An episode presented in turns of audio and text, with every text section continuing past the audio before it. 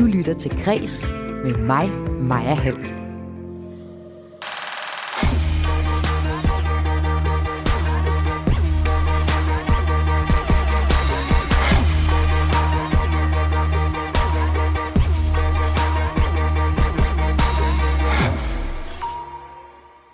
Ja, og her i fredagens udgave af dit daglige kulturprogram Kreds her på Radio 4, der vender jeg de mest interessante historier fra ugen, der gik med et skarpt panel. I går, der sendte DR et stort interview med fodboldspiller Christian Eriksen, der faldt om midt under en kamp i parken sidste år. Og i interviewet, der fortæller han, at han vil fortsætte med fodbold. Mit mål er, at jeg skal til VM i Katar. Og øh, den her melding, den har, ifølge Asger Hedegaard Bøje, fået den danske sportspresse til at gå i sværmisk selvsving. Det skriver han i en kommentar og spørger, om sportsjournalistikken, sportsjournalistikken hedder, er blevet et ukritisk hæppekor. Og det spørgsmål, det tager vi op i dag. Det gør jeg sammen med panelet og sammen med også dig, Asger. Velkommen til Kreds. Tak for det. Du er kultur- og sportsjournalist på Weekendavisen. Og i panelet, der skal vi også tale om super rige mennesker. For det er kommet frem, at bådværfterne ikke kan følge med efterspørgselen på luksusjagter, altså de her kæmpe både. Og øh, hvis vi kigger i kulturen, så fylder fascinationen af rigdom en masse. Tag for eksempel tv-serier som Succession, Exit og Squid Game. Men hvem er de her super rige mennesker? Det er et spørgsmål, som tidligere erhvervsjournalist har grublet over og grubler over igen i dag i panelet. Velkommen til redaktør på magasinet Ud at Se. Og i dag med som forfatter, velkommen til Jens Vilstrup. Tak skal du have. Du udgiver nemlig i dag bogen La Landia, og tillykke med den. Jo, tak. Og så skal jeg også byde velkommen til dig, Birgitte Sørne. Velkommen til Græs. Tak for det. Du er kulturjournalist fra Nordjyske. Og den historie, du har taget med til panelet i dag, den handler blandt andet om Nordens Paris, altså Aalborg, hvor øh, du ser, at coronaen har været med til at sætte skub i et rigt kulturliv. Så det, vi skal tale om i panelet i dag, det er fodbold, superrige og corona som kulturbooster. Det er altså emnerne for det næste 55 minutter. Velkommen til Græs. Mit navn, det er Maja Hall.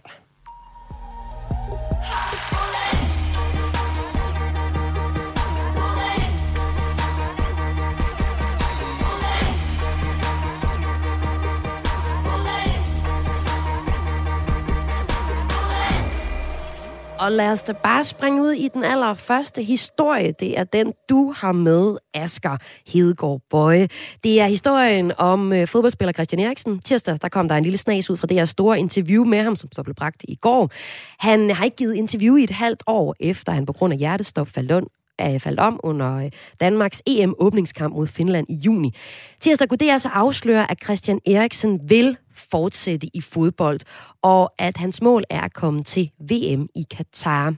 Drømmen er nemlig at komme på landsholdet og spille igen, altså til efteråret. Mit mål er, at jeg skal til VM i Katar. Altså det, jeg skal med til VM, jeg vil have mulighed for øh, på det tidspunkt, jeg skal med. Og det er ligesom været det mindset, der har været hele tiden. Jamen, det er et mål, og det er en drøm, og hvis det hele går, som det skal, jamen så håber jeg selvfølgelig, at man bliver udtaget, det er noget helt andet, man kan spille fodbold, det er noget helt andet, men tanken og drømmen om, at man kan komme tilbage, og jeg kan komme tilbage, for jeg har ikke, jeg føler ikke, der er noget, for det første føler jeg ikke, der er noget sket, fordi min krop har det fint, og den er ligesom ved at være i, i fin, rigtig fin form igen. Um, så det er ligesom med det mål, der var, og det nu er vi selvfølgelig trods alt lang tid til, så indtil da, jamen, så er det bare at spille fodbold og bevise, at man øh, trods alt godt kan komme op på, på samme niveau igen. Lød det altså i et interview til DR, som blev bragt i det fulde længde i går. Og Asger, det her interview, det har du skrevet en kommentar om til Weekendavisen i dag, det med overskriften Kong Christian. Hvad er din pointe i kommentaren? Min pointe er, at øh, ja, først og fremmest er det jo en, en glædelig nyhed, at Christian Eriksen har det godt. Øh, derudover så stussede jeg lidt over de seneste dages øh, meldinger på især på sociale medier, men også øh, sådan rent journalistisk i form af, af kommentarer øh, rundt omkring på diverse medier, hvor jeg synes, at, øh, at, at den danske fodboldpresse igen, øh, får jeg lyst til at sige, går en smule i selvsving. Og det handler jo ikke om, at man ikke kan være glad for, at Christian Eriksen er tilbage, men det er som om, at han bliver behandlet på en særlig måde. Der er nogle journalister, der kalder ham Kong Christian, sådan med et glimt i øjet, også på sociale medier. Men han, han, er, han er, fremstår på en eller anden måde urørlig i forhold til øh, den, øh, det øh, interviewoffer, den øh, kilde, han også er samtidig. Altså, man kan sige, øh, hvorfor stiller Christian Eriksen op lige nu øh, til et interview? Han har ikke sagt øh, øh et kuk i et halvt år. Det gør han selvfølgelig, fordi januars transfermarked netop er åbnet, det internationale fodboldmarked, hvor der handles spillere. Og det vil sige, at han ved, at inden for de næste tre uger, der skal han finde sig en ny klub. Og det er også derfor, vi ser hans øh, hollandske agent meget, meget aktivt øh, er pludselig kommet ind i kampen og vil udtale sig øh, vidt og bredt til alle medier i Europa. Øh, og det er der sådan set ikke noget fordækt i, men, men det er som om, at, at den historie, eller den, man kunne sige, nysgerrighed, kritiske vinkel på, på, det her, øh, på den her Christian Eriksen comeback-melding, den drukner fuldstændig i øh, Øh, jubel øh, og, og fryd og glæde over, øh, at nu er han tilbage i den her held. Og for mig, kan man sige, bliver det lidt et eksempel på, på det dilemma, som sportsjournalistikken tit står i. Altså mellem på den ene side at skulle være kritisk, øh, forholde sig journalistisk til sit, øh, til sit område, og på den anden side den her fascinationsformidling, kunne man sige, men også en egen fascination af de her spillere. Altså det virker som om, at store dele af den danske fodboldpresse igen øh, øh, viser sig mere som fans af den her spiller, Christian Eriksen, end, øh, hvad kunne man sige, en, øh, ja, en, en egentlig journalister. Hvorfor er det et problem? Jamen det synes jeg, da er et kæmpe problem, fordi, øh, øh, fordi jeg synes, at der gælder samme spilleregler for øh, sportsjournalister, som der gør for alle mulige andre journalister, at man går kritisk til værks. Og, og kritisk i den her sammenhæng handler jo ikke om, at man skal sige, øh, at man skal øh, få Christian Eriksen til at falde ned af den stol, han heldigvis sidder på i den her fine, forgyldte lounge i en, øh, i, øh, på et hotel i Milano sammen med Andreas Kravl. Det handler bare om, at man tager manden alvorligt som andet end et, et offer øh, og en, en, man kan sige både et offer, men også en held, øh, som, som nu pludselig er vendt tilbage fra de døde. Altså jeg, jeg synes øh, både Andreas Kravls interview, men også øh, modtagelsen af den, øh, jeg synes ikke, det har meget med journalistik at gøre. Det må, hvad, det må hvad jeg savner sige. du, Andreas Kravl, øh, som er sportsjournalist og altså interviewer Christian Eriksen her, hvad savner du, han spørger Christian Eriksen Men man kan sige, når setup'et er, som den er, som det er her, at, man, at, at, at det nærmest er, som hvis man møder en amerikansk præsident eller en dansk dronning, at man sidder andægtigt og, og hører på, hvad har han at sige, og bare det, at han sidder, det har Kravl jo også selv udtalt øh, efterfølgende, bare det, at han kom ind i rummet, det fyldte ham simpelthen med sådan en, en glædesfølelse selv, ikke? Og, og, og jeg, synes, det er en, jeg synes, det er en forkert præmis for overhovedet at lave øh, sådan en, øh, et interview. Så, så min kritik går måske på, øh, altså går ikke på de, de konkrete spørgsmål, der bliver stillet, for de er fine nok inden for den ramme, der er, men min kritik går på, om man overhovedet skal derud, hvor man øh, præsenterer en landsholdsspiller på den, på den der fasong. Jeg synes, jeg, jeg synes det er sådan lidt, lidt kvalmt, og jeg synes ikke, det, øh, det øh, jeg synes, Christian Eriksen fortjener mere end det.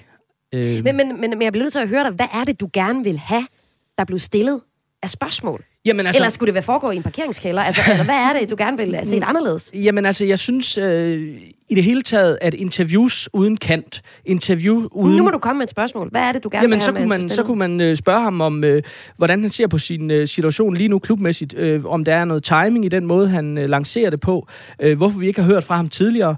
Øh, hvordan forholder han sig til Katar? Det er få uger siden, få dage siden, at Thomas Delaney, hans øh, holdkammerat, øh, i en DR-dokumentar øh, kaldte det en katastrofe, at Katar skulle være VM-vært. Og Christian Eriksen omtaler det bare som en drøm og et mål. Altså, spørg dig ind til det. Det er ikke noget, manden øh, øh, lider overlast af at blive spurgt til. Det, er, det, det mener jeg er respektfuldt. Altså, jeg mener ikke, at, at han skal behandles med fløjelshandsker på en eller anden... Øh, ja, på en eller anden særlig façon. Du mener godt, man kan forvente, at Christian Eriksen også stiller, øhm, stiller sig kritisk over for, hvad det er, der foregår i Katar i forbindelse med, med Vi skal VM. i hvert fald bare høre, ja. hvad, hvad, hvad mener du om det? det vi, har, vi andre har ikke øh, dårligt nok snakket om andet. Øh, i, har der været nogen, i der har år? været gode til at være ude og udtale sig om øh, forholdene i, øh, i Katar op til VM? Jamen altså, jeg synes at det er interessant i hvert fald det her før med, med Thomas Delaney og andre landsholdsspillere, der, der for nylig har, har udtalt, at jamen, de tager afsted, og det kan man så mene om, hvad man vil, men, men de har trods alt en holdning til det. Jeg synes, han får øh, alt for sådan øh, bare lov til at sige øh, det han altså han kunne reelt bare sige hvad fanden han ville i det her interview, og der var ikke nogen der ville have gået kritisk til ham af den, af den grund. Og det det øh, det går bare lidt ondt i mit sådan journalisthjerte. Øh, jeg synes det bliver noget andet, det bliver det bliver underholdning og det bliver en form for PR for sportsudøveren. Og øh, nu er der en masse journalister i panelet i dag. I er faktisk alle sammen rundet af den kant. Øh, Jens, jeg ved, at øh, du som journalist, der gør det også ondt i dig. Men du mener også, at øh, det er ren utopi at øh, sige, at man burde være meget mere kritisk, at, man, at det overhovedet kunne være muligt at være meget mere kritisk i det her Christian Eriksen-interview. Hvorfor kunne man ikke være mere kritisk over for Christian Eriksen Jens? det kunne man godt. Man kunne for eksempel have spurgt det der og helt oplagte Katar-spørgsmål. Hvis han så havde svaret, det har ikke nogen holdning til, så havde man i hvert fald fået at vide, at han ikke havde nogen holdning ja. til det. Øh, det, det spørgsmål, og, og andre mangler helt klart. Men øh, sådan som mange af de interviews bliver sat op, så er det jo på agenternes præmisser fuldstændig. Altså, nu har jeg jo ikke, men jeg har oplevet andre gange, øh, at spørgsmålet skal godkendes på forhånd. Det der, det er renset på forhånd. Der er ikke nogen, der er ikke noget rum for journalisten. Hvis, han, hvis man siger ja til det her interview, så øh, går man ind på fuldstændig på den agentpræmis, der er aftalt. Og hvis man så siger, jamen jeg vil også gerne spørge om Katar, så siger agenten, jamen så desværre, så får TV2 interviewet. Mm. Og så står man der. Hvad gør man? Skal man være, altså... Så hvis Andreas Kavl han havde sagt, øhm, Christian Eriksen, øh, situationen i Katar er den, at op til VM, jamen øh, så har der været nogle fuldstændig horrible arbejdsvilkår i forbindelse ja, med opbygningen ja. af stadierne. Hvordan forholder du dig til det? Så vil øh, Andreas Kravl aldrig kunne få et interview med men, Christian Eriksen problem, eller andre i branchen. Problemet med meget sportsjournalistik er, at det er de samme mennesker, der hele tiden dækker det samme område i årtier nærmest. Ikke? Så han, hvis han, han kunne sagtens vælge at bryde den kontrakt, men så ville han sandsynligvis ikke kunne få et interview igen med Christian Eriksen. Øh, så der, der, det der afhængighedsforhold, man ser det også på Christiansborg, øh, det er jo noget af det samme i virkeligheden. Der går render de samme journalister rundt og beskæftiger sig med de samme stofområder, er afhængige af de her politikere, ligesom journalistikken bliver afhængig af de her sportsstjerner. Fordi hvis de så endelig laver noget kritisk, så kommer de ikke længere ind i mix zone, eller hvad det nu hedder. Altså, så bliver de lukket ude, og det er, en, det er en reel fare, fordi det er på de her superstjerners præmisser rigtig meget, den her journalistik foregår, Asger. som det er nu. Jamen, det er jeg helt enig i, og, og jeg synes, det er vigtigt at få med, at det ikke kun handler om sportsjournalistikken her. Det er så mit område, og det, det er det, jeg angriber her i den her øh, kommentar. Men, men Jens har jo ret i, at det foregår på Christiansborg. Man kunne også sige, at det foregår også i dele af kulturjournalistikken. Mm. Altså, mi, mit problem med det her er, når man bliver for forelsket i sine kilder. Ja. Øh, og, det, og det mener jeg virkelig er et, øh, er et problem, fordi så kan man altså ikke bedrive særlig interessant øh, journalistik. Men lad os lige høre en, som ja. Øh, arbejder med kulturjournalistikken, og endda også på et regionalt plan. Birgitte Sonne, du kunne jo virkelig blive forelsket i historierne om øh, Nordjylland. Hvordan ser du på den her historie? Øh, med dit eget udgangspunkt også? Ja, altså jeg har jo ikke den samme erfaring af, at det er agenter, der styrer, jeg ved, at de kilder på samme måde. Men jeg vil sige også, at, at jeg tror, det er stærke følelser, der sælger her. Altså, at jeg, jeg kan forestille mig, når du sidder i et redaktionslokale og skal sidde og tale med din redaktør om sådan en historie her, så skældner de jo også. Altså, nogle gange handler det jo også om, hvad er det for en historie, der er på spil her? Altså, skal vi have et kritisk interview, eller skal vi have det her? Øh, nu, nu skal vi tæt på manden. Øh, jeg, jeg tror nogle gange, der er sådan lidt en tilbøjelighed til, at man godt kan blive sådan lidt beæret når nogen mm. de har lyst til at åbne ja. op. Altså, så man kan blive sådan lidt, uh, ej, nu siger de sgu noget, og de har været igennem noget svært, og så vil man gerne have den, være den første, der har et interview. Det tror jeg også, der er på spil, og det tror jeg godt kan trumfe den kritiske journalistik mm. i sådan et tilfælde her, er det okay? for eksempel. Så. Er det okay, at den trumfer? Øh, det er jo også et interview, der samler nationen. Altså, der er så mange af jer, der sidder og lytter med lige nu, der har set det interview, og der følger med i VM, og som har, særligt her under corona, altså der har aldrig været så mange mennesker, der går op i fodbold som uh, sidste år, vel? Fordi vi havde brug for noget at samle sammen. Så er det også på nogen måde okay, at det er, de samler. Altså jeg vil sige, alting til sin tid et eller andet sted. Altså, jeg synes, det er to forskellige interviews, øh, og, øh, og, og helt klart, at man, man bør tage et kritisk interview med ham her. Men jeg har det selv sådan, at jeg, nu er jeg vokset op med en sportsjournalist, øh, som jeg synes gik rimelig kritisk til, til sine kilder. Øh, men min egen erfaring er, altså som en del af et kulturmiljø i Nordjylland, altså det er også, at jeg har, altså, jeg har en distance til folk. Det har jeg har været til fester med flere af dem, jeg skriver om. Altså, jeg kan mærke, at jeg lægger en, jeg lægger en distance ind, og jeg har også talt direkte med nogen om det. Altså, fordi ja, man bliver tættere, men man skal jo sørge for, at man kan, kan holde distancen. Altså. Men, men det, der mangler måske her, er jo, en, at det er en samtale. Det er jo, vil være fuldstændig naturligt, når han selv kommer ind på Katar, at man så følger op. Hvad mener du i øvrigt om det? Altså, at det, det bliver taget ud af samtalen, det, det, det synes jeg altså, man også er forkert. Altså, det bliver, det bliver for, det bliver for underdanigt på en eller anden måde, synes jeg.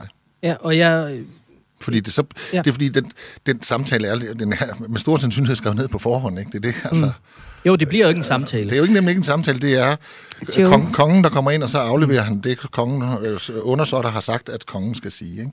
Og jeg er med på det der med, at, øh, som du siger, Birgitte, det der med, at, at der er forskel på interviews. Det er ikke et hvert interview, øh, en journalist laver som skal være øh, ekstremt hårdt og konfronterende og kritisk nødvendigvis. Men, men jeg synes bare, at, at, at her er alle paraderne nede. Altså her kunne det lige så godt være et indslag produceret af DBU, Dansk Boldspilunion, lagt på deres hjemmeside, og så kunne vi samle, mm. nationen være samlet der. Jeg, jeg er ikke sikker på, at jeg, jeg mener, det er DR's øh, rolle, øh, øh, men altså, men, men jeg ved godt, at jeg, jeg taler mod et flertal her, fordi der er rigtig mange, der synes, det har været fantastisk dejligt at, at se det her interview. Øh, men, men sådan med professionelle briller, der, der gør det bare lidt ondt. Altså, da det kom der i går, så tænkte jeg, jeg gider simpelthen ikke se det. Jeg, det må jeg sige, nu, nu skulle jeg være med her, så så jeg det alligevel. Men jeg tænkte, det der, det kommer der ikke noget nyt ud af. Altså, sådan forholdt jeg mig til det inden. At det der bliver, det kan jeg bare læse øh, på, min, på min iPhone bagefter, hvad der kommer ud af det.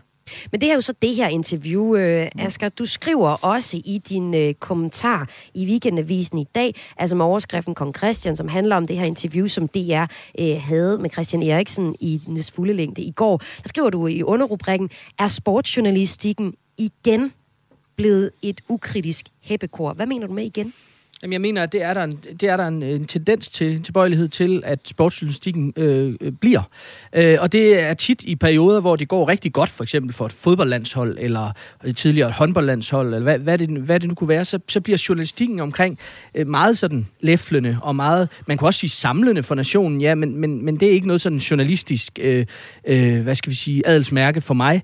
Øh, og, og jeg mener virkelig, at, altså, som jeg også skriver i min kommentar, så har sportsjournalistikken altid befundet sig sådan et, et mærkeligt sted imellem øh, kulturkritik, kunne man sige, altså øh, sådan et, et, en kritik af, hvad der foregår, altså en undersøgelse af, hvad der foregår, men og så på den anden side en, en formidling, for, fascination, formidlingsfascination. Men, men jeg synes, de, i de her år, der er en bekymrende tendens til, at, at øh, grænserne viskes endnu mere ud, kunne man sige. Altså at Øh, men gælder det kun for sportsjournalistikken? Nej, men, men, men, men nu jeg synes... her Jens sige, at det også Men der er store økonomiske interesser på spil i sporten. Øh, og, og, og, der, øh, og jeg synes, det her med, at vi ser journalister i rollen som øh, som, er, hvad hedder sådan noget, som bliver hyret af øh, øh, af et sportsforbund til at lave et stykke arbejde, samtidig med, at man har en, jeg har givet et eksempel på en fotograf, som er DBU's faste fotograf, som så samtidig er medlem af bestyrelsen i dansk, øh, øh, sports, øh, Danske Sportsjournalister. Jeg synes, der er sådan en, det, det mudrer fuldstændig sammen for mig at se, øh, og det er rigtig, rigtig svært at se, hvem er det egentlig, der skal kaste et kritisk blik på, fordi vi må jo ikke glemme, at Øh, nu snakker vi Christian Eriksen, men vi kunne også øh, tale, Dansk Boldspilunion er jo en magtfaktor. Det er jo en magthaver i sports, øh, sportspolitisk øh, øje med. Øh, og, og, og jeg synes, øh, jeg synes, grænserne er alt for udflydende. Øh, og jeg synes, folk er til... Øh, ja. Men kan vi ændre men, på det? Øh, Jens, Nå, men det, det siger fordi, du ikke, kan. Nej, jeg, jeg tænker bare, fordi du ser tidligere, altså der var jo også, sådan for, jeg fornemmede det i hvert fald, en berøringsangst omkring Michael Laudrup mm. og hans engagement i samme ja. land, ikke? hvor er det, er det det, du tænker på? Altså, mm, altså, altså, der var ikke mange, der, han gad heller ikke snakke om det, og der var ikke nogen, der spurgte rigtig om det. Nej, altså, det, det, det kunne man måske godt nævne. Altså, jeg, jeg tror principielt for mig, at der, det, det er bare en parentes, men man kan sige, det er en forskel på, øh, på et, et idrætsforbund, som gør et eller andet på vegne af os alle sammen, og så personer, altså Victor mm. Axelsen, Michael Laudrup, øh, ja. Karoline Osjaki. Men, men det er da rigtigt, der er visse sportsudøvere, som, som også, øh, og der er Michael Laudrup, der er klart en af dem, som altid har været hævet over kritik på en eller anden måde. Altså, og det er Eriksen vel også alene i kong Christian begrebet, altså er han ikke ja, jo, jo. Altså. Og, og, og man kan sige, den øh, frygtelige ulykke, han var ude for, som så heldigvis øh, gik godt, men, men den, den, den gør det jo om muligt måske endnu sværere, i hvert fald for nogle journalister, for at gå, gå kritisk til, til ham. Ja. Men, men øh, nu snakker vi sport, ikke? og sport er en del af kultur. Mm. Øhm, som kulturjournalist, Birgitte Sønne, er det her ikke et generelt problem for, øh, for hele området, at der er så meget øh, heldedyrkelse i kulturbranchen, at det kan være svært at være kritisk, fordi du får bare ikke et interview med Jada, hvis du er super kritisk over for hende mm-hmm. i et interview. Nu ved jeg ikke, hvor mange vi har. Jada og sådan lige i Nordjylland. Så med Selmi er det igen ja. øhm. Men, men øh, ej, det, det ved jeg ikke. Det, jeg synes sgu ikke, øh, jeg synes ikke, det er svært at være kritisk. Altså, vi, vi laver rigtig meget kritisk journalistik heroppe. Det er det, vi har valgt at satse på, fordi vi kan se, det er det, der er læser til. Øhm, men hvis du kigger over kulturbranchen i generelt, generelt i Danmark, Altså, jeg, jeg, jeg vil mere sige, at jeg, jeg synes, jeg oplever flere og flere kilder, der prøver at styre interviewene. Mm. Det, det gør jeg helt klart. Øhm, og jeg har også faktisk på det seneste sagt nej til nogen, fordi at, at, at det på forhånd blev så stramt, at jeg kunne se, at det, jeg ville skrive, det var en udvidet pressemeddelelse. Mm. Altså, øh, og så har jeg simpelthen tænkt, det så vil gider jeg ikke at bruge tid på, fordi så sidder, ender man mellem to stole. Ikke? Og det er måske det, man ikke kan som sportsjournalist. Øhm. Ja, det er jo det, vi kan lige spørge afslutningsvis. Hvad er fanden af løsningen på det her, Asger? Øh, ja, det er et godt spørgsmål, altså fordi vi, vi er jo gået Du langt ud med af at den skrive tangent. kommentarer og begynde at lave nogle kritiske interviews? Jamen altså, jeg, jeg, jeg, synes da, jeg synes da, at øh, der er folk herhjemme, der gør det rigtig godt på den front, også blandt sportsjournalisterne, men jeg synes stadigvæk, der er for meget mikrofonholderi, og der er stadigvæk for store, kan man sige, en stor sammenblanding af interesser. Altså, jeg nævner også i kommentaren det her med rettighedshævende tv-stationer. Altså, hvis DR har rettighederne til en VM-slutrunde, hvis TV3 har rettighederne til Champions League i fodbold, så gør det dem alt andet lige. Det stikker dem på en eller anden måde. Og det er det, altså i, i den kritiske journalistik, de kunne bedrive om det emne, som de samtidig ejer rettighederne til. Øh, og det er jo, en, det, den er jo svær at løse, altså fordi at sportsjournalistikken på den måde både er journalistik, men også er forretning. Øh, men, men jeg bemærker en af de ting, Andreas Kravl, ikke fordi det skal handle om ham, men han bliver et eksempel på, på det, jeg mener med, med sportsjournalistikken her. Men han siger øh, på et tidspunkt øh, her i går eller i forgårs, efter interviewet, at, at det, ikke, øh, det er jo Christians historie, siger han understreger han. Og så siger han, det er så op til mig at formidle den. Og det er jeg ikke enig i. Det er ikke Christians historie. Altså, det må være journalistens historie. Altså, det, det, det, det må være journalisten, som lægger en vinkel. Og, og, og det er ikke journalistens opgave at, at, at sådan øh, videre ekspedere på pænest mulig vis kildens historie. Mm. Mm. Og det blev sidste øh, ord her i snakken om kultur, eller ikke kultur, men specifikt set sportsjournalistikken, om den igen er blevet for ukritisk. Det spørgsmål, som Asger Hedegaard Bøj altså med her i dit daglige kulturprogram Kreds her på Radio 4, hvor jeg hver fredag vender tre emner fra ugen, der gik. Vi øh, skal lige om lidt, om ikke så længe i hvert fald, tale om øh, super mega rige mennesker, der har bestilt så mange jagt, at skibsbyggerne ikke kan følge med. Men øh, først så skal det handle om, hvordan coronaen har boostet kulturlivet. Du lytter til Græs med mig, Maja Helm. Og med forfatter Jens Vilstrup, kulturjournalist Birgitte Sonne og sports- og kulturjournalist Asger Hedegaard Bøje. Den næste historie, vi skal tale om i Kreds i dag, det handler om corona. Og det er sådan kunne jeg starte hver eneste dag med at sige. Det er det, det handler om, for det handler det om rigtig mange steder i kulturen. Øhm, det er første uge efter et helt år med corona, og mange kulturinstitutioner skriger lige nu på at få en plan for, hvordan de skal lukke op. Der er 10 dage til, at kulturen igen lukker op den 17.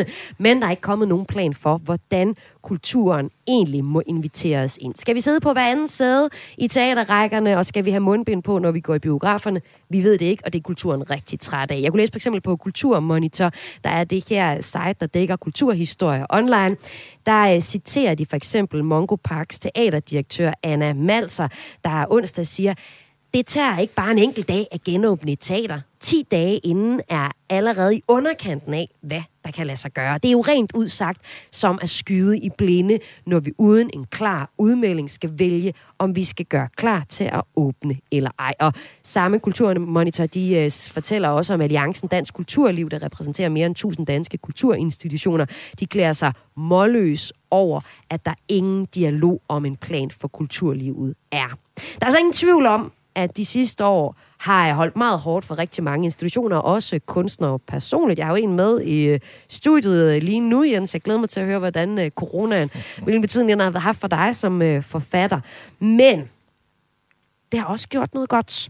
I Aalborg, der har byen taget et skridt, der måske havde taget flere år, hvis det ikke havde været for coronaen. Det må du lige forklare, Birgitte Stønne. Du er jo journalist på Nordjyske. Hvordan har du oplevet, at øh, byen er blevet boostet af corona?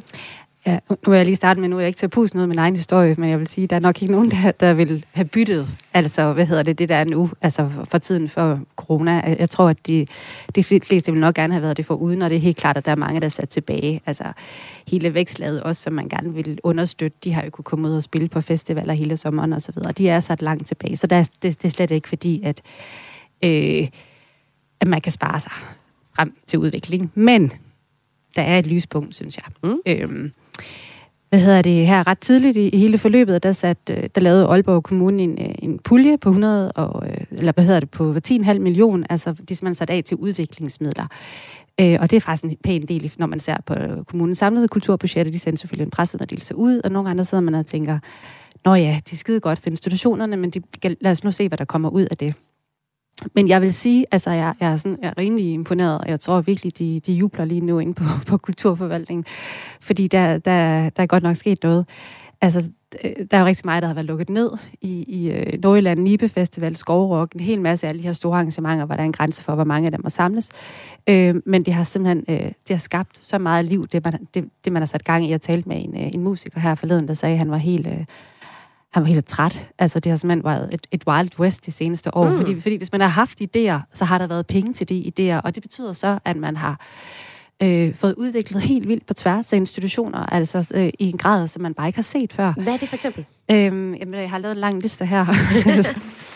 Men øh, og nu læser jeg lige et par stykker op, bare lige sådan for, at man får en fornemmelse af det. Men altså, der har været øh, ladvognskoncert i hele regionen, hvor 50-200 mennesker har været samlet ad gangen. Altså hele den her sommer på fiskeaktioner tidligere om morgenen. Ude midt i klitterne har der stået øh, øh musikere og spillet trompet. Det har været på værtshus, hvor jazzmusikere har indtaget det. Altså punkkoncerter på pladser og så videre. Der har været, så har der været alle de her kollegakoncerter, altså hvor, hvor at, at, dengang, at de virkelig var lukket ned Danmark, altså der, der kom musikerne simpelthen til dem. Der har været historiske byvandringer med øh, et samarbejde mellem Aalborgs Historiske Museum og nordjyske musikere, altså hvor folk har været taget med rundt og har oplevet byens, øh, forlyst, byens forlystelseshistorie, altså de seneste 200 år, og så har man ligesom iscenesat det inde på de her gamle små værtshus. Der er opstået en ny tværkunstnerisk festival, Mutation Week, i samarbejde mellem Huset, det Hemmelige Teater og Kunsthallen Nord. Øh, der har været et spotfestivalprojekt, hvor Korma, et kompetencecenter for musikere, sammen med Musikens Hus, har haft øh, ni intime showcase-koncerter på Spotfestival. Altså, jeg kan blive ved. Ja, der er virkelig øh, mange eksempler på det, men alle ja. eksemplerne, det er jo noget, der er sket, mens landet har været lukket op. Så hvordan er det her et eksempel på, at corona har boostet kulturlivet i uh, Nordjylland, Birgitte? Fordi det har ikke været noget, der har været der før. Altså, det, det, det er simpelthen nye tiltag, alle det her. Altså, og, og, øh, Hvorfor kommer de nu? Altså, udover folk har haft tid til det, så er det fordi, der har været udviklingsmidler. Altså, problemet i Aalborg har jo været øh, i mange, mange år, at, altså, at på den ene side vil byen gerne være en kulturby. De har masser af visioner, og på den anden side, så har de jo et sindssygt stramt kulturbudget, og det kommer jo af, og det er noget, jeg har skrevet rigtig meget om. Øh, altså den her skæve fordeling af de statslige kulturmidler.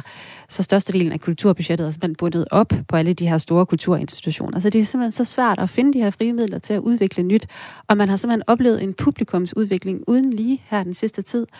Øhm, altså det, jeg hører rundt omkring, altså det er, at man har lavet samarbejder, og, og man har simpelthen fået knyttet nogle kontakter, som kommer til at leve længe efter det her.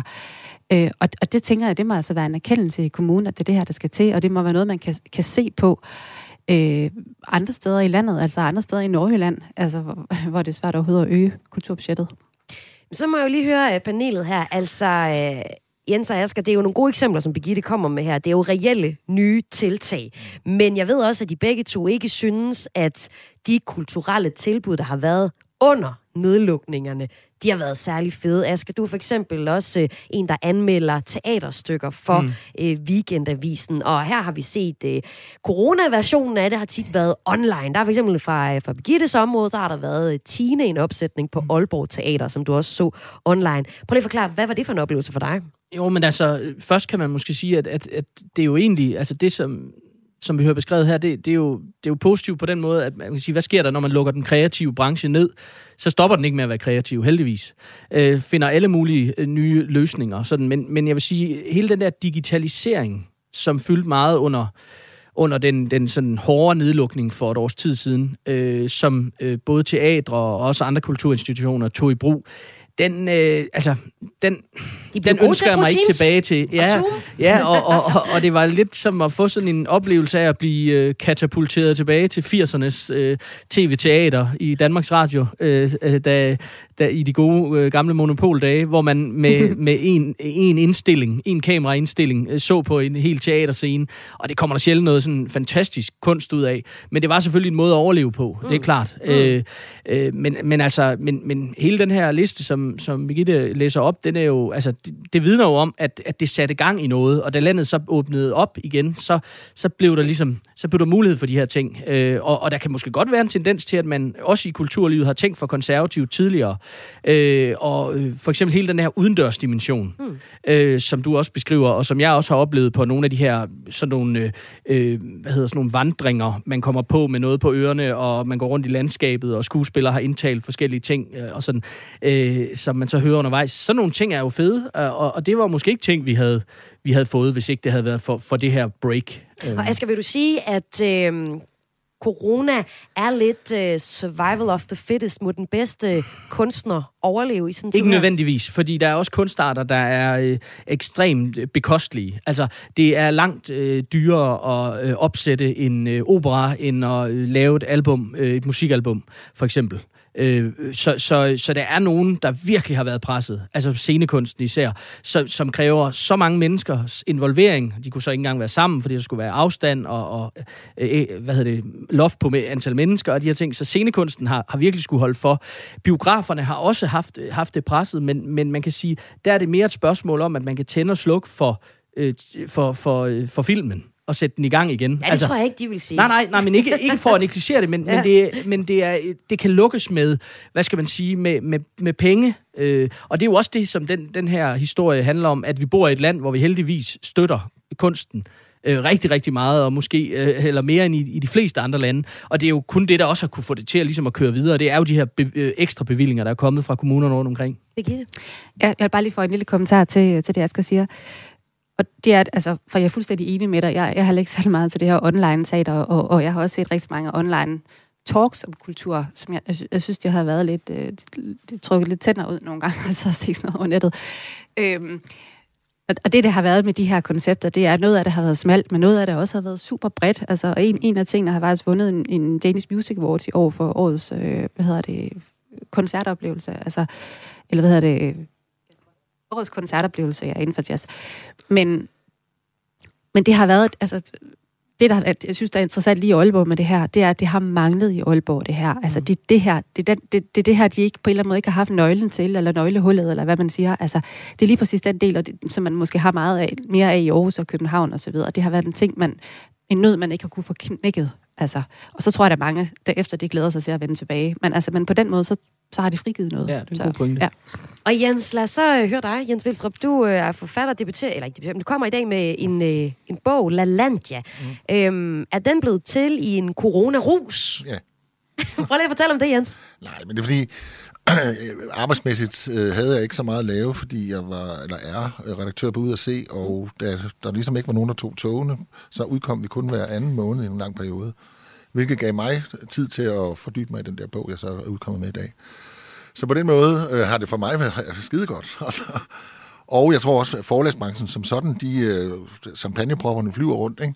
Fordi lige præcis den her form for kultur, altså der, hvor man sidder som et, et menneske og skal forholde sig til noget tekst, om det er så på en skærm eller via en bog, det, her, det, det, det, er, det hvad hedder, den situation gør corona næsten endnu bedre. Altså, lige, lige omkring, jeg, jeg tror, de, de, de sælger jo grotesk mange bøger lige i øjeblikket, ikke?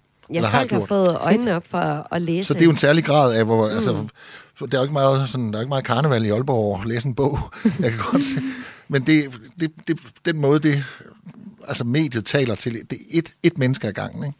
Og nu spurgte jeg jo så øh, Asger før om, om øh, corona er øh, et eksempel, hvor vi kan se survival of the fittest, så det er simpelthen bare øh, ja, forfattere, der har det bedste vilkår, for der er ro på til at få skrevet ja. Noget. Er det sådan, du synes, det bør være i kulturbranchen i Danmark? Nej, selvfølgelig ikke. Altså nu er det jo bare... Hvorfor ikke? En, jamen, fordi forfatter er jo ikke mere værd end de andre på nogen måde. Altså, øh, nej, nej, slet ikke. Altså, nu er det bare, det er jo nogle omstændigheder, der har været, øh, kommende, udefra kommende omstændigheder, der har gjort, altså, jeg har kunnet gøre min bog færdig, og den forlagen har, hvad hedder det, øh, kunne sælge mange bøger øh, online, og i øvrigt øh, via posten og sådan noget, ikke? Øh, nej, øh, der skal jo være lige vilkår på mange måder, ikke? Altså, synes jeg da. Altså, eller det skal komme nedefra. Det er jo det, der... Mm.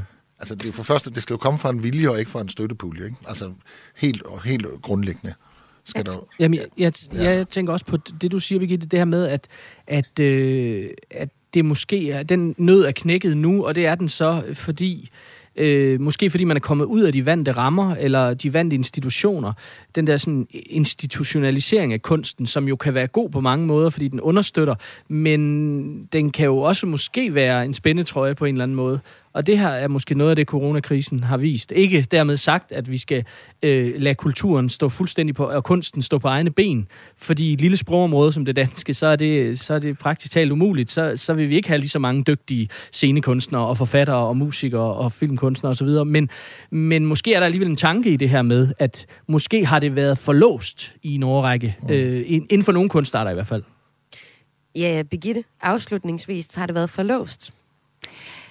Jeg synes i hvert fald, det er interessant at, at se, at, at nu sagde Mette Bock i den her... Øh, Tidligere kulturminister Mette Bock, ja. ja, i den her fremragende podcast om kulturministerne, øhm, at øh, hun mente, at, at grunden til, at der har været den her store udvikling på DR, det var, at man, man simpelthen lavet det her medieforlig, hvor man havde sparet en masse penge, og så det har tvunget nogen til at, til at tænke nyt. Og, og, og, og ligesom jeg sagde i starten, det tror jeg ikke på, at man kan. Jeg tror ikke, man kan spare sig frem til udvikling. Men man kan i hvert fald åbenbart godt, godt gøre det modsatte. Altså hvis man øremærker midlerne kultur, så de ikke går ind og, og dækker et underskud. Og det blev det sidste ord i snakken om, hvordan corona på en måde har været med til at booste i hvert fald en del af kulturen. Du lytter til Græs med mig, Maja Hall. Og du lytter til en fredagsudgave af dit daglige kulturprogram Kreds her på Radio 4. Et program, hvor jeg sammen med et panel vender ugen, der gik i kulturen. Og det gør jeg sammen med forfatter Jens Vilstrup, kulturjournalist Birgitte Sonne og sports- og kulturjournalist Asger Hedegaard Bøje. Og den historie, vi skal handle om nu, den har du taget med, Jens, og den kommer faktisk sådan fra mellem jul og nytår. Men det er noget, du er gået og grublet om. Det er en uh, historie fra det norske medie Dagbladet, som Ekstrabladet har samlet op, og den handler om om, at der er bestilt så mange jagter, altså de her kæmpe luksusbåde, at bådværfterne ikke kan følge med. Det viser en opgørelse over øh, nye superjagter fra Boat Internationals Global Order Book. Hvorfor har du taget den historie med, Jens? det har jeg, fordi jeg synes, det er interessant at øh, der er en... Altså, øh, verden bliver ligesom øh, mere og mere ghettoficeret, og så at de rige bliver så psykopatagtige... Eller psykopat, det er forkert ord, men de bliver virkelig, virkelig, virkelig rige. Og at det afspejler sig i en øh, shortage på lystjagter, det synes jeg bare er meget interessant. Og øh, og så synes jeg bare også, at øh, i hvert fald jeg selv har, og mange andre øh, sandsynligvis også, det kan man jo se på seertallene på nogle af de øh, tv-serier, der beskæftiger sig med folk, der er super rich. Øh, Exit, som du selv var inde på tidligere, øh, Squid Game, øh, The White Lotus, øh, Succession og sådan noget, det, det virker som om, der er både en stigende fascination af superrigdom og en stigende superrigdom samtidig. Ikke? Altså, er du selv fascineret af superrigdom? Ja, jeg er fascineret af, at, er, at jeg ikke ved så meget om det. Altså, at, at det er sådan et, øh, det er, jo, det, det er sådan noget, der foregår bag gitterporte og bag tonede ruder, og man ved sgu aldrig rigtigt, hvad, og er de i virkeligheden, hvordan påvirker ekstrem rigdom dig som menneske? Det, er, det synes jeg er et interessant emne. Om, gør det det? Er de bare ligesom os? Sidder de bare derinde og diskutere de samme ting. Jeg ved det ikke. Altså. Men du har jo ellers haft hatten, du kunne tage på og stille de spørgsmål til de superrige mennesker, fordi du har tidligere været, erhvervsjournalist. Har du ja. forsøgt at få dig nogle interviews med nogle af de her rige mennesker? Jamen, de stiller jo ikke op. De fleste gør Hvem har du forsøgt at få fat i? Jamen, det, nu det er nogle år siden, jeg, jeg, jeg, jeg har forsøgt at få fat i en, en del, vil jeg sige, men de, ja. de vil ikke, det er jo ligesom med sportsjournalistikken faktisk. Det, jeg har lidt på, du skal øh, bare læfle for dem jo. ja, men de, er ikke interesseret i, at, altså det er ikke en valuta, der hvad hedder det, er i særlig høj kurs blandt øh, erhvervsfolk, blandt rige mennesker og blandt erhvervsfolk at tale om følelser. Og når man kommer som såkaldt livsstilsjournalist, så er man ikke så interesseret i årsregnskabet, men mere i, hvordan det menneske så er. Og det er helt generelt super svært at få fat i nogen, der der er nogen, der så stiller sig frem, ikke? så er der Peter Stordalen i Norge, og så er der måske Jesper Buch i Danmark, men det er nogle få mennesker, der, og de lever så også, de gør det også i, i en eller anden form for beregnende opførsel, bilder jeg mig ind. Ikke? Men mm. der, er jo, der er jo så mange, tage en tur til Nordsjælland, prøv at kigge på de huse der, det er vildt, hvordan, hvordan er livet derinde? Det, det, det interesserer mig vildt, og det kan man ikke, som journalist, er det sygt svært at få fat i. Men så er der jo så populærkulturen, der har beskæftiget sig med rige mennesker. Vi har set øh, nogle mega succeser af serier sidste ja. år, for eksempel øh, Squid Game, som øh, udspringer nogle meget rige menneskers øh, syge hjerner, og øh, så er der HBO-serien Succession, hvor vi igen ser på en ekstremt rig familie. Og så har jeg lyst til at fremhæve den øh, norske serie Exit, fordi at den her superjagt øh, historie, den handler, den foregår, ja, den kommer fra en norsk medie. Fordi Exit, det er en norsk serie, der er inspireret af virkelige hændelser. Den handler om nogle øh, super rige mænd med karriere og familie, der tager sig fuldstændig grotesk. De er virkelig, øh, rent sagt, nogle røvhuller. I serien, der møder vi for eksempel Adam. Han er en ret ung fyr, der er steriliseret, men det ved hans kone ikke. Jeg heter Adam. Jag är gift med en fantastisk kvinna. Kom.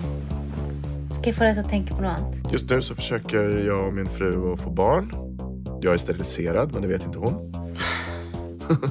Men eh, eftersom jag hade mina första 100 miljoner innan jag fyllde 30 så eh, har det varit svårare och svårare med tiden att hitta den där sortens utmaningar som ger kicken. Det.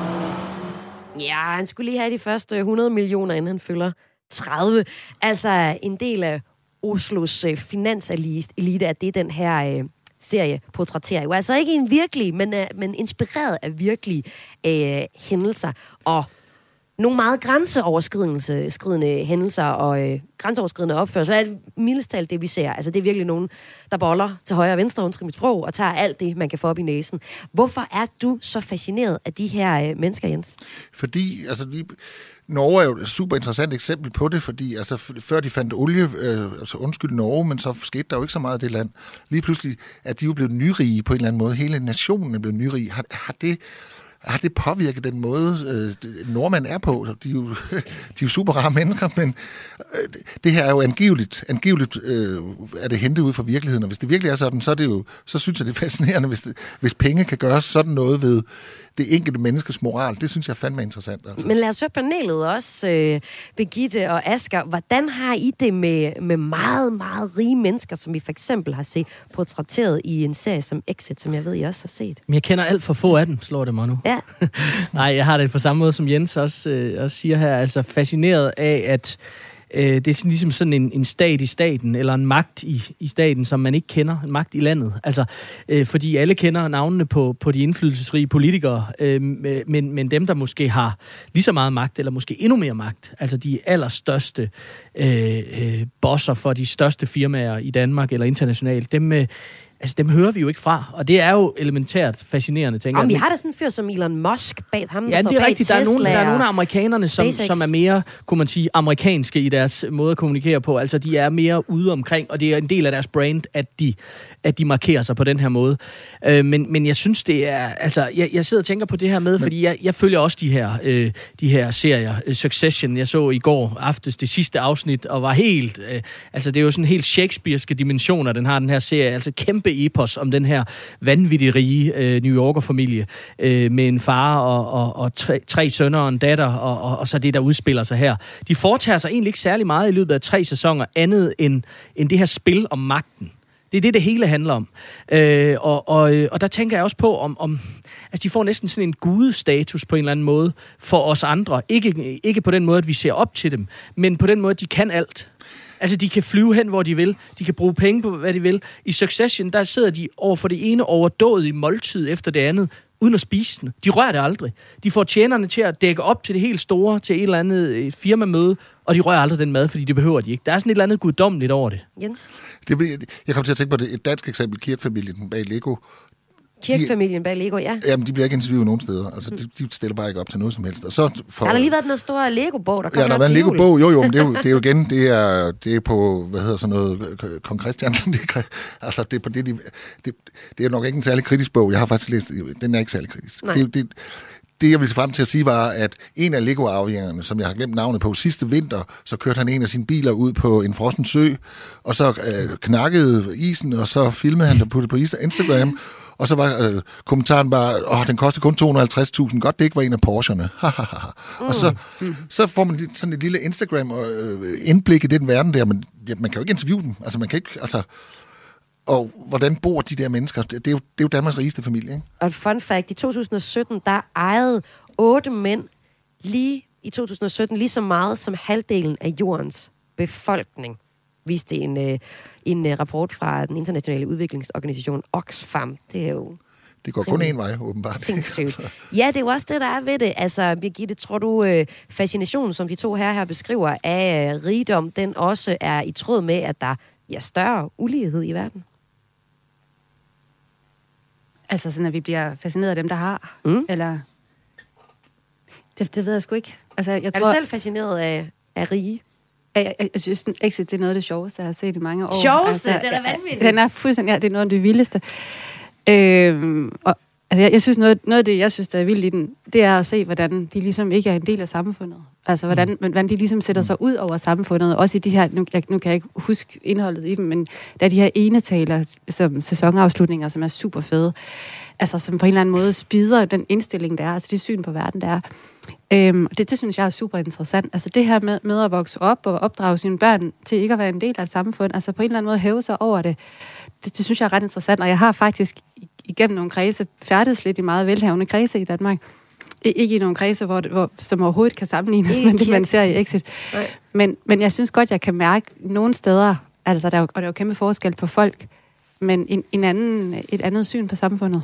Hvordan altså, jamen, jamen, når, når, altså, når der, ej, nu vil jeg ikke blive specifik, men, men når der er nogle ting, der er mulige, altså, så gør man også det.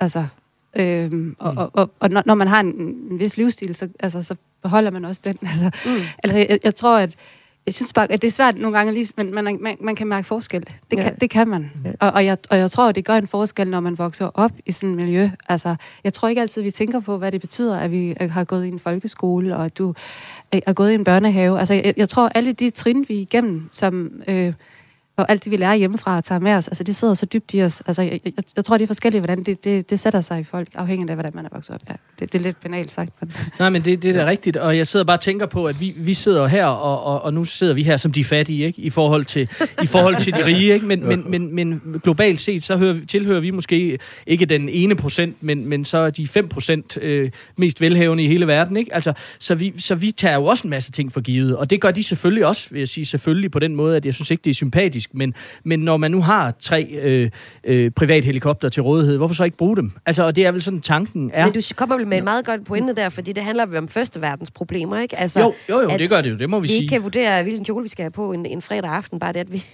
en kjole at tage på. Okay, nu bliver sat på spidsen, men, men det er jo den Ja. det virkelighed, du taler ind i. Ja. Jens? Men i hvert fald i forhold til de der kulturserier, eller den måde kulturlivet, hvis man kan kalde det det, angriber øh, ekstrem rigdom, det er, det er på en grundpræmis om, at ekstrem rigdom korrumperer din moral. Ja. Og er det sandt? Altså, det, det, vil jeg, det, det, her, det mangler jeg simpelthen svar på. Mm. Altså, for det er jo klart, at det er jo, det er jo, det er jo sjovere at lade de der exit-fyre øh, fyre den helt vanvittige af, end at portrættere dem som øh, nogle rare, ordentlige mennesker, der kun investerer i etiske, forsvarlige porteføljer og sådan noget. Øh, er det bare noget, vi grænder rundt og forestiller os? Og hvor er virkeligheden her? Det, det, det synes jeg, det, det mangler man at vide. Jeg vil gerne vide det. Og det, og det er jo rigtigt, fordi det bliver jo øh, portrætter af rige mennesker, men det bliver også portrætter af menneskelig kynisme eller ondskab øh, nærmest. Øh, men jeg synes, at det er meget naturligt, at, at, at kunsten beskæftiger sig med, med det her i de her år. Vi ser det jo også herhjemme, øh, det her med, øh, både inden for litteraturen og inden for filmkunsten og på scenen også, at, at man portrætterer ikke bare de rige, men også det modsatte, altså inden for danske forhold, de fattigste, altså mm. udkants Danmark. Mm. Hvad vi nu skal, altså, der, der kommer jo enormt meget kunst om, om, om yderpolerne i de her år. Det tror jeg, der handler rigtig meget om, om, øh, om, om den, øh, altså den uli, stigende ulighed, vi ser. Øh, jeg kan huske for et par årtier siden, hvor man talte meget om i, i, i dansk film i hvert fald, at det handlede altid om middelklassen. Det handlede altid om Mads Mikkelsen, med, der havde pandehår og gik rundt om øh, sin, øh, hvad hedder det, øh, rigtigt. si, sin øh, øh, køkkenø, øh, og, og, og, og trummede sine børn på hovedet. Øh, og, og, Havde og, middelklasseproblemer. Ja, øh, og, og det ser vi egentlig ikke så meget nu, hvis jeg lige... Det er en, en tanke, jeg får nu, at jeg tænker, det, det, vi ser de der øh, yderpoler, og det er virkelig det, der, der fascinerer lige nu. Men så kan vi jo være glade for, at vi skal ikke være sindssygt super rige for at blive øh, lykkelige. Vi skal tjene en del. Jeg fandt en artikel, altså flere gange så har forskere jo undersøgt, hvor meget vi skal tjene for at være lykkelige. For det er jo også lidt det, det handler om. I 2018, der øh, skriver Finans, for eksempel, de skriver om noget forskning, der har undersøgt til 1,7 millioner mennesker fra 164 lande for at finde frem til lige præcis det tal, der skal stå på lønchecken, hvis mennesker skal føle sig tilfredse. Og her har forskerne fundet frem til, at man skal tjene omkring 560.000 kroner om året for at opnå tilfredshed. Altså en samlet følelse af velvære. Ja, og så altså i sammenlignet med, med andre. Øh, Jens, afslutningsvis gør det der tryk, at, at det ikke er, er super rige, der nødvendigvis er, er lykkelige også. Ja, jo, men det, ja, det gør det faktisk. det er jeg lidt glad for. For ellers så fik de jo, så, også, så havde de jo fået alting. Ikke? øh, nej, men øh, altså for mit eget vedkommende, jeg, jeg ved ikke, hvis jeg havde øh, 200 millioner, jeg, jeg ville ikke ane, hvad jeg skulle bruge dem til. Ikke engang Nej. en million. Altså, undskyld, men jeg, det ville jeg slet ikke vide. altså, Øh, Og det ved de jo heller ikke helt, kan man se. Jeg kan komme med en anbefaling samlet fra hele panelet om at se den serie, der hedder Exit, og den ligger altså lige nu på DR, hvor man altså kan se den her fiktionsserie, som er baseret, eller inspireret af virkelige nordmænds øh, vanvittige øh, forhold til penge. Fredagspanelet er ved at være færdig for i dag. Jeg har lyst til at spille et øh, nyt nummer for jer, som hedder T-shirt. Det er Annika Åkær, der har lavet det nummer. Det er øh, et nummer, som handler om crop toppen. Eller dengang den hed Maveblusen. Fordi det her, det er sådan en øh, erindringssang om de år, hvor crop top øh, sidste gang var på mode. En gang i sådan noget slut 90'erne eller 0'erne, hvor Britney Spears med sådan et lidt et Lolita-look sang sig ind i sin optur, og hvor Creamy, som hendes manager skriver, øh, sang børnesang i mavebluser, som altså det dengang hed, og det hele var sådan ret seksualiseret, uden at der var nogen, der egentlig talesatte det. Dengang, der kunne man godt finde på, og øh, ja, der kunne man godt rende rundt i en mavebluse, uden at det nødvendigvis var, var sådan et, et stort, en stor overskrift i forhold og sammenlignet med nu, hvor crop top jo i den grad har været et samtaleemne, men på en helt anden måde, fordi nu handler det om frigørelse. Og øh, nu står der ikke babe på øh, maveblusen, nu står der måske netop Jada, Jada eller feminism. Det nummer, det får I her, så vil jeg sige uh, tusind tak, fordi at I var med i panelet i dag. Forfatter Jens Vildstrup, tak til dig. ja, tak. Også tak Til dig, også. kulturjournalist Birgitte Sørne. Tak. Og tak til dig, sports- og kulturjournalist Asger Hedegaard Bøje. Jeg tager lige nummeret fra starten af.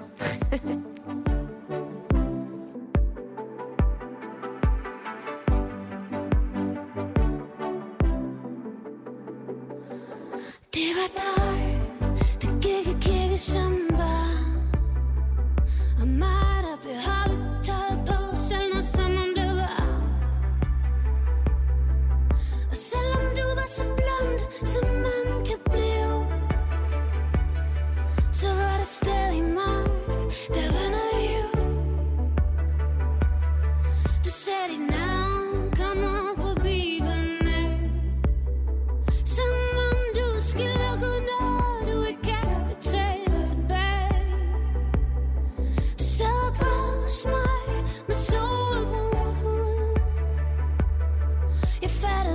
watching.